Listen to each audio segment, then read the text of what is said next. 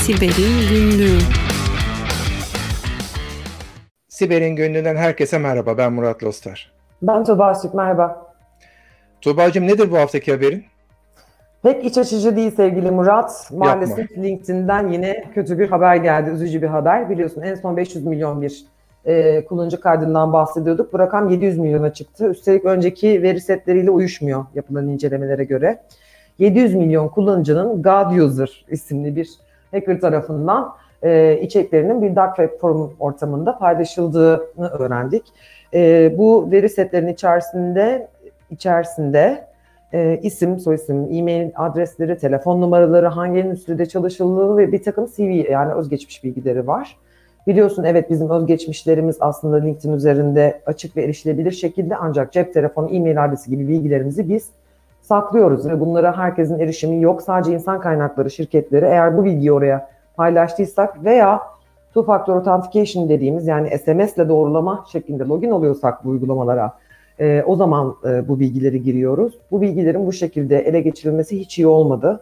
E, özellikle hani biliyorsun ünlü ya da işte kritik pozisyonlarda çalışanların tabii ki herkesin verisi kıymetli ama özellikle IT yöneticileri gibi e, insanların bu tür bilgilerin ele geçirilmesi ileride bazı oltalama ataklarına da aslında sebebiyet veriyor diye düşünüyorum. E, bu 700 milyonluk veri seti içerisinden 1 milyonluk bir örneklem kitleyi de açık şekilde paylaştılar. Yani aslında 1 milyonluk veri olduğu gibi ifşa edilmiş durumda. E, geriye kalan 699 milyonluk e, veri seti de şu anda satışa çıkmış durumda.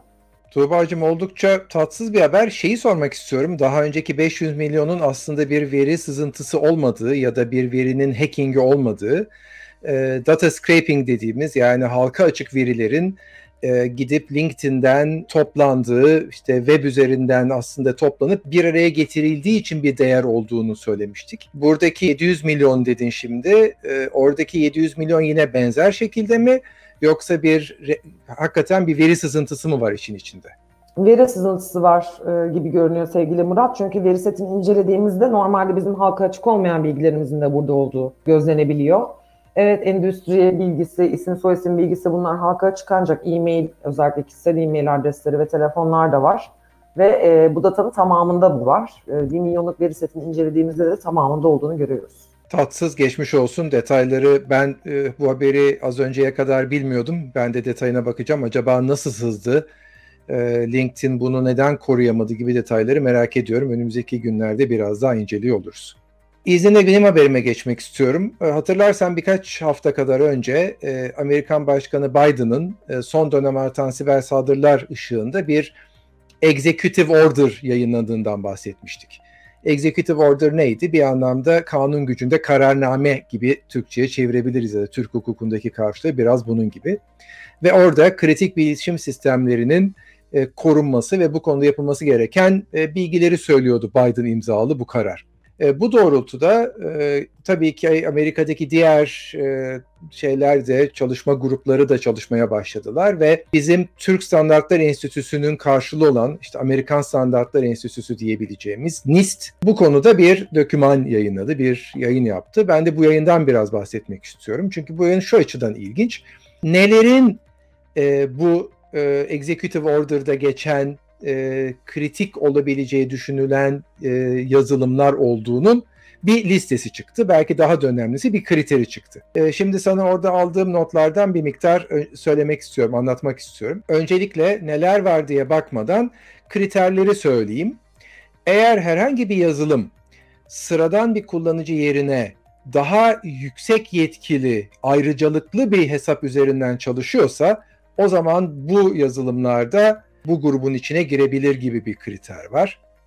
İkincisi yine ağ ya da bilgisayar kaynaklarına ayrıcalıklı erişiyorsa benzer bir yapı söz konusu. Başkalarının veriye nasıl erişeceğini yöneten bir yazılımsa ve bununla ilgili operasyonel bir teknoloji yazılımıysa kritik olduğu görüşünde. E, yaptığı iş açısından kritikse, işte kritik altyapılar vesaire açısından bu tanıma giriyor ve de eğer sıradan yetkilendirmenin dışında çalışıyorsa bu tanıma girer gibi bir yaklaşım sergilemiş NIST.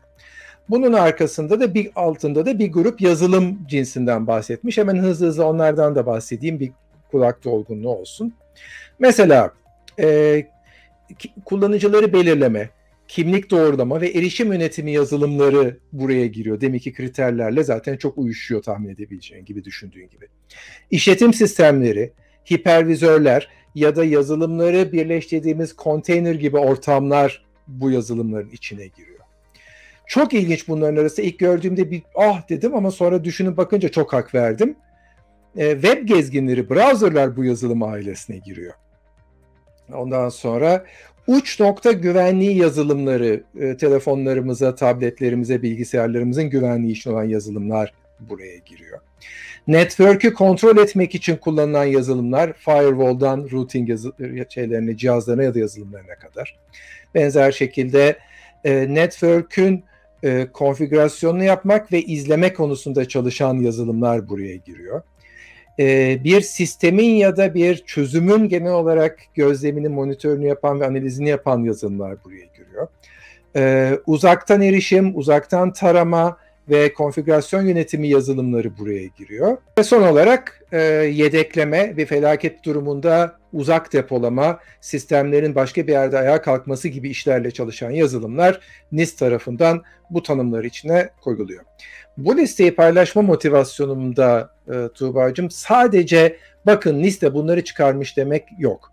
Aynı zamanda ben bir şirkette bir sürü yazılımlar var. İşte ERP yazılımları, MRP yazılımları, CRM yazılımları gibi hani genel olarak belli bir işe odaklanmış yazılımlar var. Bir de genel diyebileceğimiz yapı yönetim yazılımları olduğunu görüyoruz. Buna web gezginleri, browserlarda dahil.